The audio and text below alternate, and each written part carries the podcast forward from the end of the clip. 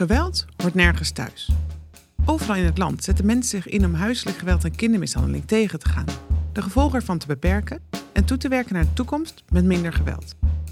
In deze podcast neem ik je mee naar die plekken, om te horen welke projecten er zijn, welke resultaten en effecten ze bereiken en waar de betrokken mensen zich hard voor maken. Dit is alweer de negende aflevering in deze reeks. En deze aflevering is een klein beetje anders dan de vorige, want voor het eerst ben ik niet op pad vanwege COVID-perikelen. Maar bel ik vanuit mijn werkkamertje thuis. Het geluid is daarom wel wat minder. In deze aflevering ga ik in gesprek over hoe je de aanpak van huiselijk geweld en kindermishandeling nou meet. Wat onderzoek naar zo'n complex onderwerp vraagt van onderzoekers. En ga ik in gesprek hoe actieonderzoek bijdraagt aan effectievere zorg voor gezinnen met complexe problemen waar het onveilig is. Maar laat ik even bij het begin beginnen. Ik ben met de voorzitter van de Landelijke Onderzoekscommissie. Peter van Zuid. Als voorzitter van de onderzoekscommissie leidt Peter het onderzoeksprogramma dat als doel heeft, en hier quote ik, een bijdrage te leveren aan de ondersteuning van de praktijk en handvatten te bieden om de aanpak van kindermishandeling en huiselijk geweld te verbeteren, te borgen en te verduurzamen. Ik vraag Peter wat in essentie het doel is van onderzoek en monitoring rondom het thema huiselijk geweld en kindermishandeling. Huiselijk geweld is natuurlijk bijna altijd een, een complex fenomeen. Hè. Dat is niet vaak alleen maar dat een kind geslagen wordt en dat dat kind dan even weer wat ondersteuning moet hebben. De vraag is natuurlijk ook van ja, waarom wordt dat kind geslagen? Hoe kan het dat het gezin in zo'n situatie terechtkomt? En wat voor soort interventies kun je dan inzetten om te zorgen dat die, die, die complexe problematiek ook echt aangepakt wordt? En in de praktijk zie je dat, dat, dat daar heel veel mensen vaak bij betrokken zijn. En dat die allemaal zo hun eigen weg daarin proberen te zoeken. Uh, maar de vraag, wat is nou een echt verstandige, effectieve, efficiënte manier van aanpak? Daar, daar heeft iedereen wel zo zijn eigen antwoord op. Maar je ziet dat er eigenlijk nog heel weinig collectief geleerd wordt van de vraag hoe je dat toch, zeker als een zaak wat complex wordt, goed kan doen. Dus het is, het is bittere noodzaak om te zorgen dat, dat dit soort complexe interventies, waar veel partijen bij betrokken zijn, ook echt beter onderzocht worden vanuit de vraag van hoe kunnen we het straks in de praktijk heel veel beter doen. En, zo zegt Peter, daarvoor moeten vooral verschillende onderzoeken in één programma bij elkaar gebracht worden. Er valt heel veel te leren van elkaar en heel veel winst te boeken door gewoon te kijken hoe elders die samenwerking en die aanpak vormgegeven wordt. Zijn onderzoek is een manier om dat leren te ondersteunen. Peter noemt een onderzoek dat wat hem betreft een goed voorbeeld is van het onderzoeken van de juiste aanpak en samenwerking binnen complexe situaties. Het is ook zo'n voorbeeld van, van casusregie waarbij je gaat kijken van nou, hoe kun je rond een specifieke situatie de regie goed organiseren.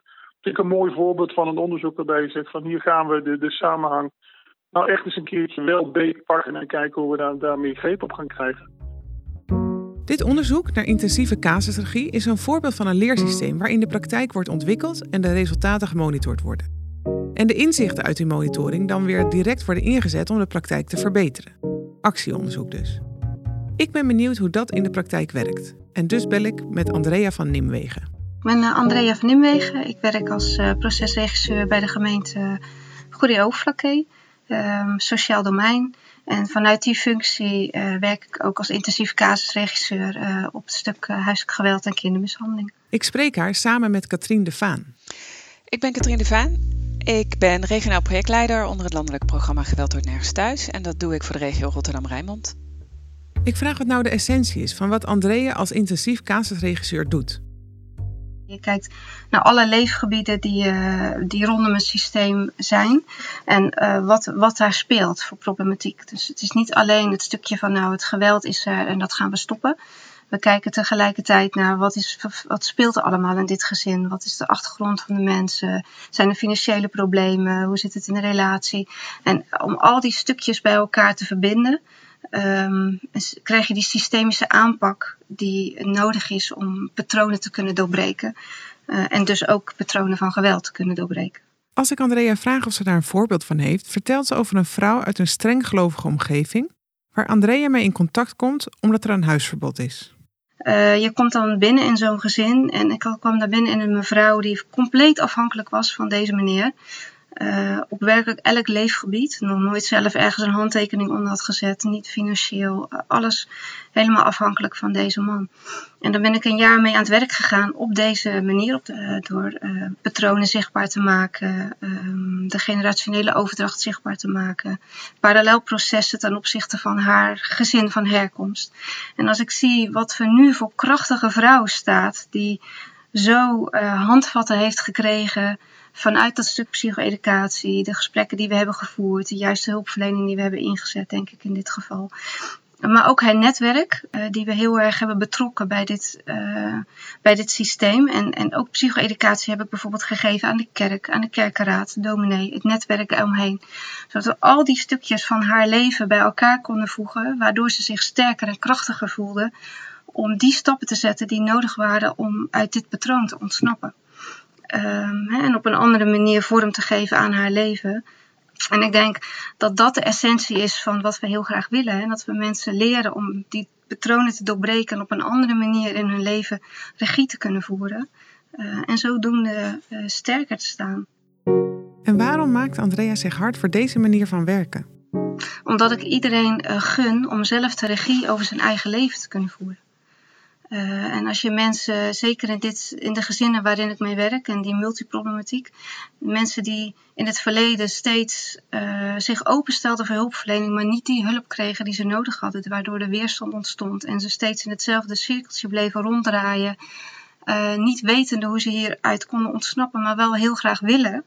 Ja, dat is schrijnend om te zien. Dus het feit dat je op deze manier mensen een stukje regie teruggeeft over hun leven, ja, dat, dat vind ik uh, een heel mooi onderdeel van mijn werk. Ik vraag Katrien als regionaal projectleider wat de aanleiding was voor de onderzoeksvraag om te onderzoeken of deze manier van werken een betere aanpak is. De aanleiding lag eigenlijk in de verkenning voor de regiovisie in de regio Rotterdam, waarin uh, ik als regionaal projectleider ben gaan ophalen wat speelt er nou in gemeenten. En ook op dat lokale niveau van de aanpak, hè, want heel veel van de aanpak gebeurt op regionaal niveau, uh, of focust zich op regionaal niveau, terwijl in de praktijk heel veel moet gebeuren in die gemeenten op dat lokale niveau uh, waar gebiedsteams werken. En wat Andrea nu vertelt, dat constateerde uh, ik destijds ook al. In een, uh, in, in een casus huiselijk geweld wordt wel hulp geboden vaak, maar in losse lijnen. En die lijnen die komen niet bij elkaar. En we weten ook dat dat moet. Hè, dat, dat is wat we die systeemgerichte aanpak noemen. Die hebben we nodig. Nou, hoe laat je die lijnen nou bij elkaar komen? Daarop dachten we toen met regie. En dan is regie natuurlijk een omstreden term, want Andrea zegt ook al, je werkt uiteindelijk daarnaartoe dat die regie weer bij mensen zelf kan liggen. Maar ik denk dat ook niemand zal, ontkennen dat in dit soort casussen mensen vaak helemaal niet in staat zijn om zelf regie te voeren. Dus daar moet je ze bij helpen.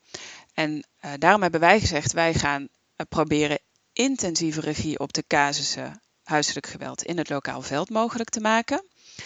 En daarmee echt die regisseursrol body geven. Hè? want die is op dit moment vaak wel belegd, maar dan is hij heel erg licht. Dus we proberen daar echt een hele stevige rol van te maken met een stevige positie en ook goede inhoudelijke kennis en goede vaardigheden.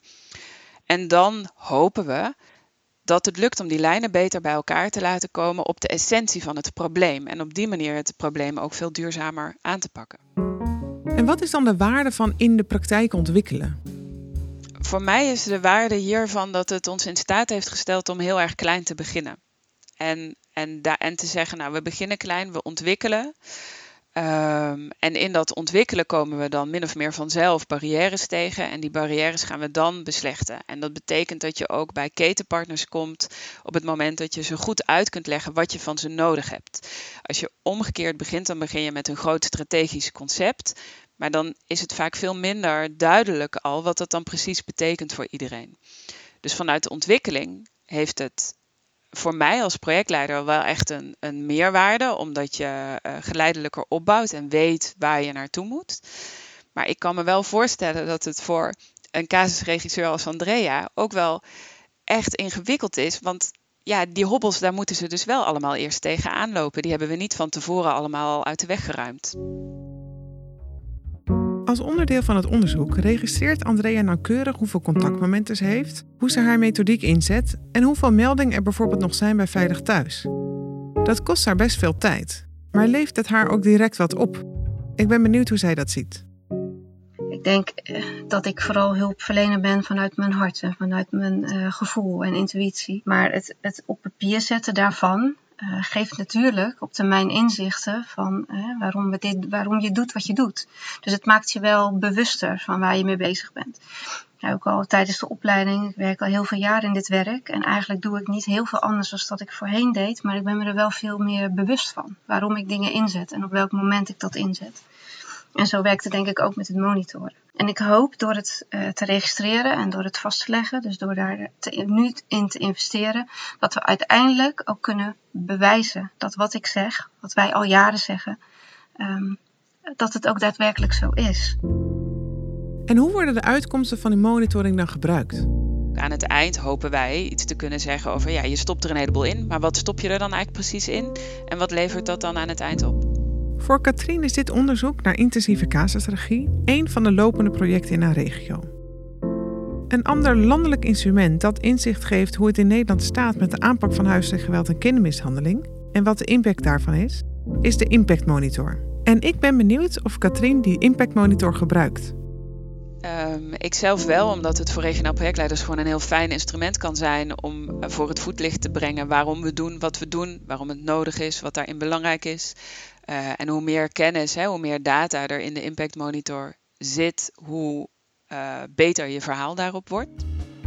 En, zo zegt Katrien, bij al het onderzoek dat gedaan wordt naar de aanpak van huiselijk geweld en kindmishandeling, blijft het een constante gezamenlijke zoektocht naar antwoord op die ene centrale vraag. Hoe meet je dat nou? Hoe maak je nou meetbaar wat er gebeurt en wat daar dan effectief in is? Dit was de negende aflevering van de podcast Geweld wordt nergens thuis, die ik, Merel Stijnweg, maak in opdracht van het landelijke programma. Wil je meer weten over dit programma? Kijk dan op www.geweldnergensthuis.nl. En ben je benieuwd naar eerdere afleveringen? Ze staan allemaal op de grotere podcast-apps. Maar wil je weten wanneer de tiende en laatste aflevering in deze reeks online komt? Abonneer je dan even of link met mij, Merel Stijnweg, via LinkedIn. Daar post ik ook alle nieuwe afleveringen. En natuurlijk bedank ik nog even Bram Kniest voor de mixage en muziek. En bedankt voor het luisteren.